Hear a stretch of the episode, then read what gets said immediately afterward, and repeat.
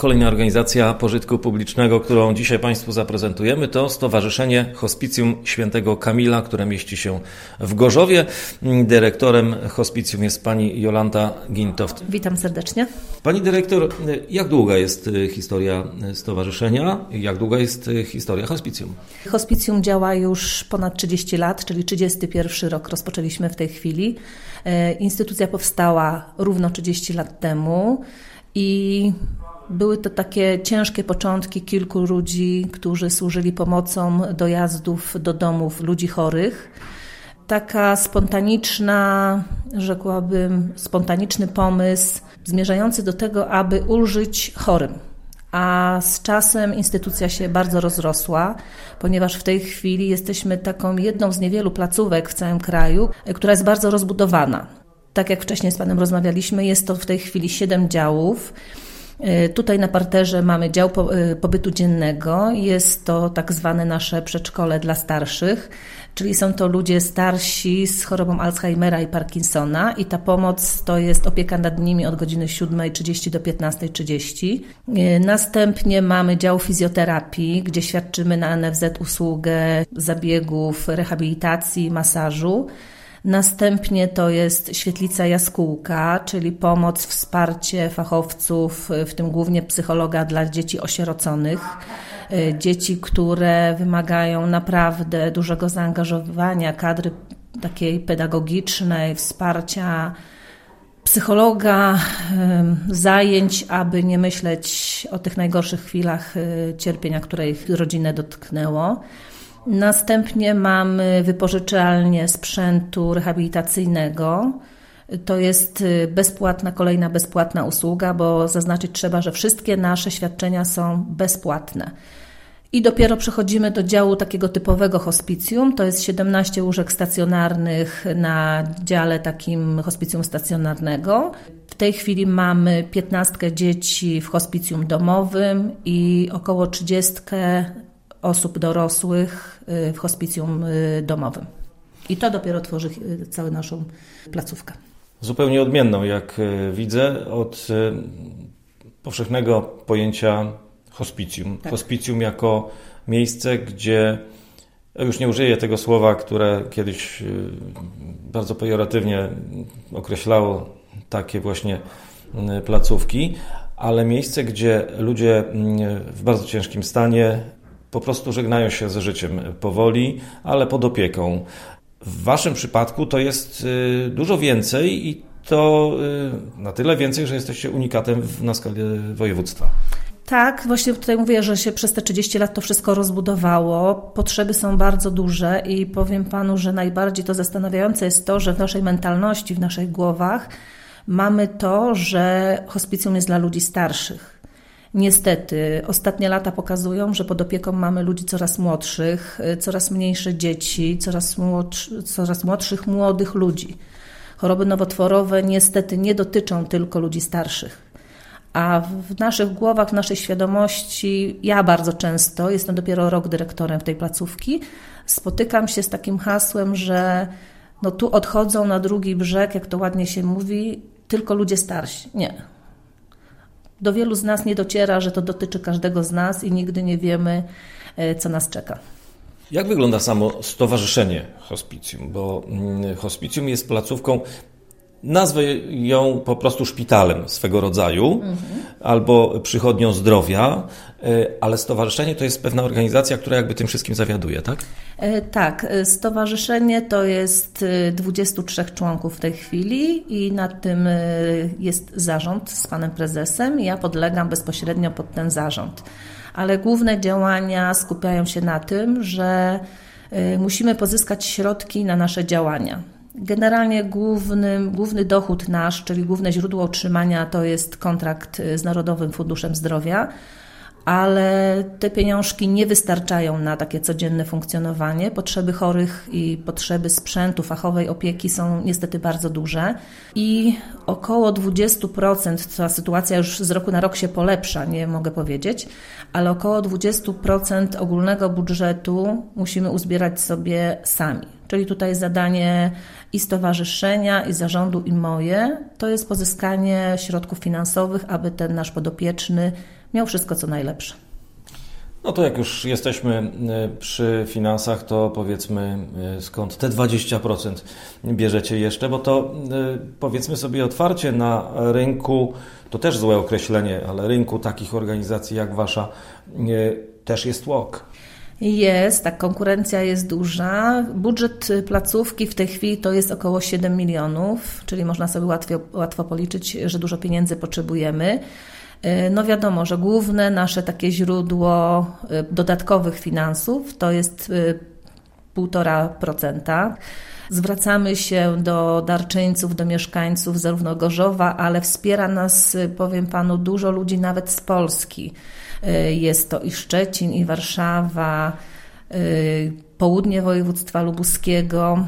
Okazuje się, że wielu ludzi miało kogoś pod naszą opieką i ci ludzie są wdzięczni za tą fachową opiekę, za ten e, wsparcie w okresie choroby, więc ten, e, ta kwota z tego 1,5% jest naprawdę taką, bez której nie dalibyśmy radę funkcjonować.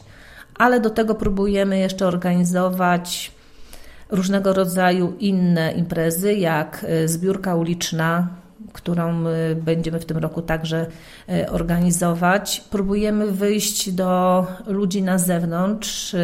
Ja może, tak jak podkreśliłam, jestem krótko, rok czasu, ale próbuję, żeby to była taka placówka otwarta. E, próbujemy wyjść z prelekcjami do młodzieży, aby im przybliżyć naszą placówkę, właśnie żeby to młode pokolenie zmieniło o nas zdanie żeby nie, żebyśmy nie byli postrzegani jak tylko instytucja czy budynek, w której ludzie umierają.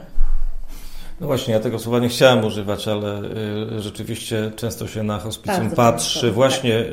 Pod tym kątem, że tutaj y, ludzie, jak pani mówi, odchodzą na drugi brzeg, po prostu przychodzą, żeby mm, dokonać swojego żywota, a to wcale nie jest tak. Tutaj oprócz takiego y, jakby oczekiwania, to też jest złe określenie na śmierć, jest leczenie, jest rehabilitacja, tak. jest wsparcie Y, duchowe to są wymogi, którym musi podobać cały personel. E, tak, i ja bym chciała właśnie odejść od tego, że tu człowiek przychodzi tylko odejść, ale jego pobyt w placówce ma polegać na realizacji marzeń. E, chodzi o to, że zmieniamy w tej chwili wizerunek placówki, żeby była bardziej po domowemu, tak, e, żeby się skupiać na tym, na tych małych realizacjach, małych życzeń. E, wie pan co, że to czasami jest trudne do zrozumienia, że pan ma ochotę na przykład na słone paluszki, inny pacjent ma ochotę na piwo i po spełnieniu takich naprawdę małych marzeń, chociaż jest to często przyjście pieska, kotka, nie są to duże rzeczy. Naprawdę na tym ostatnim etapie ludzie nie myślą o takich materialnych rzeczach i spełnianiu jakichś wielkich e, wydarzeń, ale my staramy się spełniać te małe, małe zachcianki, tak? I chciałabym zmierzać do tego, że to, e, żeby odejść od takiej wizji, tylko że tu przychodzimy na przeczekanie. Nie, przychodzimy tutaj, żeby żyć dalej i się realizować. Także w tej chwili na przykład mamy już dwie pacjentki, które są u nas e, ponad rok czasu, więc one okazuje się, że często są w stanie lepszym niż przyszły do nas.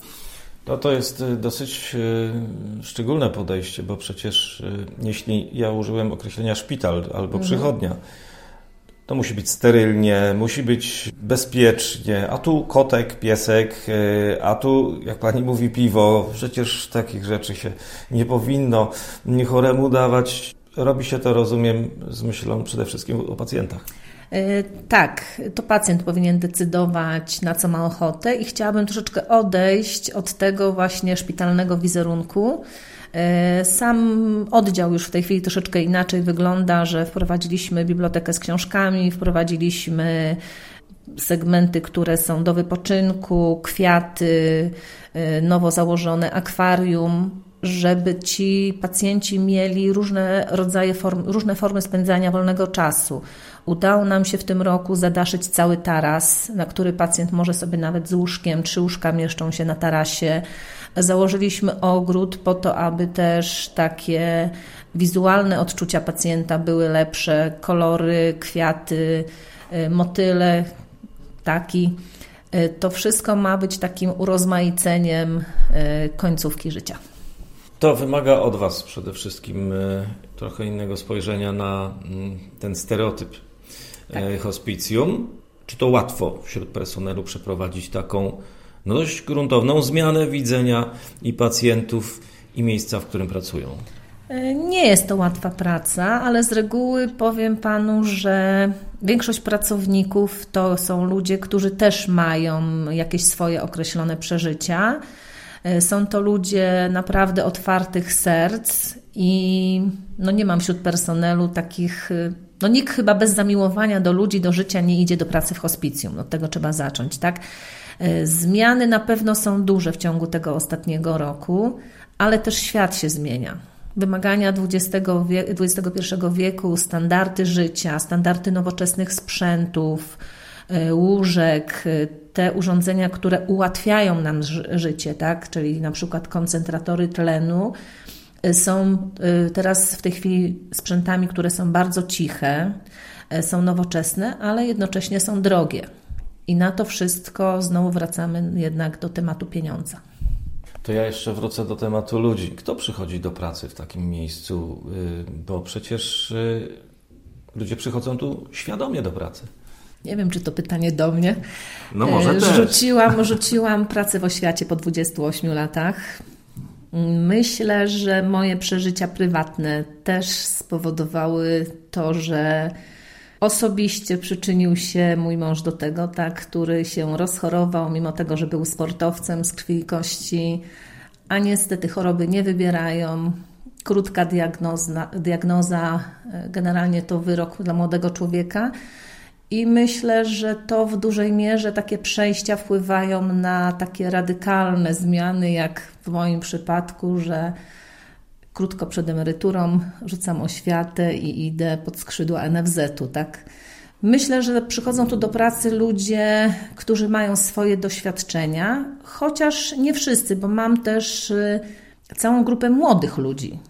Młodych ludzi, którzy po prostu z zamiłowania chcą pomagać innym mają na tyle otwarte serduszka. E, nie wiem, trudno mi e, czasami to wytłumaczyć, ale oni chcą pomagać. Od młodości chcą pomagać. I to jest główny powód, powód tego, że przychodzą tutaj do pracy. To y, chęć pomagania, y, mnie się tak znak równości pojawia między właśnie chęcią pomagania a wolontariatem. Są wolontariusze? E, tak, są wolontariusze, chociaż powiem szczerze, że wolontariat dopiero w tym roku się troszeczkę rozkręca. Okres pandemii spowodował to, że placówka była zamknięta, tak jak były wymogi. I w tej chwili dopiero to rusza, ale naprawdę dość prężnie, także mamy różnego rodzaju wolontariuszy. E, są to wolontariusze, którzy przychodzą e, porozmawiać, posiedzieć z pacjentami, co jest bardzo cenne ponieważ pacjent y, potrzebuje rozmowy, potrzebuje potrzymania za rękę i zrozumienia też w okresie choroby, a rodziny często nie mają na to czasu. Rodziny po prostu przez okres choroby y, często walczą, walczą wiele lat y, z objawami nowotworowymi.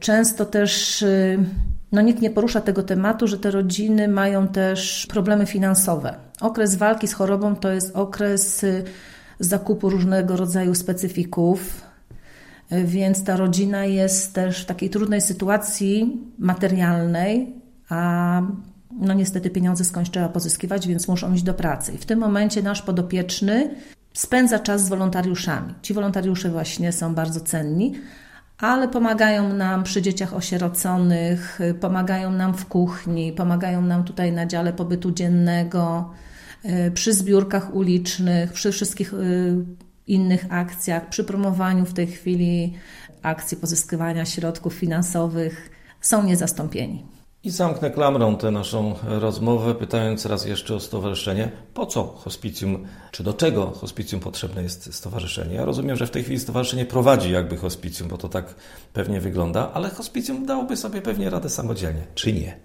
No nie wiem, trudne pytanie. Myślę, że im więcej ludzi działa, tym ta placówka będzie prężniejsza. No powiem panu tak jak ja, no dyrektor Co może jedna osoba działać w placówce? Myślę, że musi mieć sztab ludzi, którzy będą działać w jednym kierunku i dopiero praca wielu osób przyniesie efekty. Więc jeżeli to stowarzyszenie ma określoną liczbę osób i każdy z nas przedstawi swoją wizję i pójdziemy działać w jednym kierunku, to odnosimy, odniesiemy sukces. Przedstawicieli organizacji pożytku publicznego, którzy chcieliby je zaprezentować w tym programie, proszę o kontakt. Sławomir Kordyjalik, do usłyszenia.